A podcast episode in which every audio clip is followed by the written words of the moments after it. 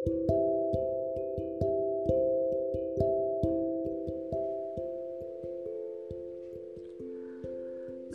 pemuda yang sedang jatuh cinta berusaha selama berbulan-bulan untuk mengambil hati pujaannya, namun gagal.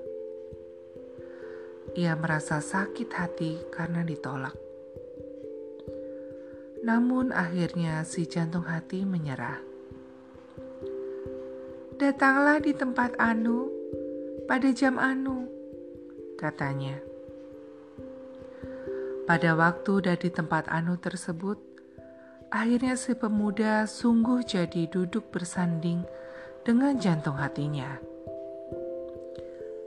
Lalu ia merogoh saku dan mengeluarkan seberkas surat-surat cinta yang telah ia tulis selama berbulan-bulan sejak ia mengenal si jantung hati.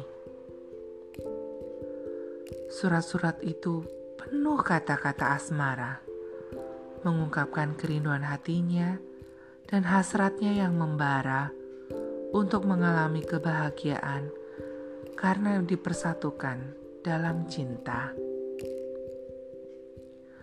Ia mulai membacakan semua suratnya itu untuk jantung hatinya.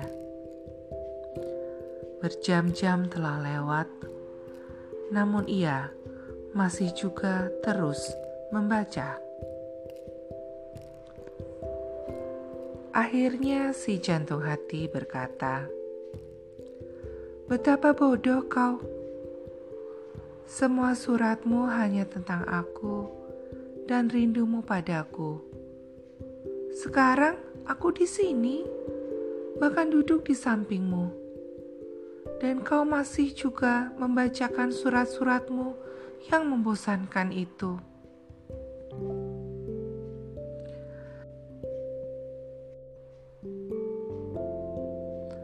Inilah aku, duduk di sampingmu. Sabda Tuhan kepada penyembahnya. Dan engkau masih juga berpikir-pikir tentang aku di dalam benakmu?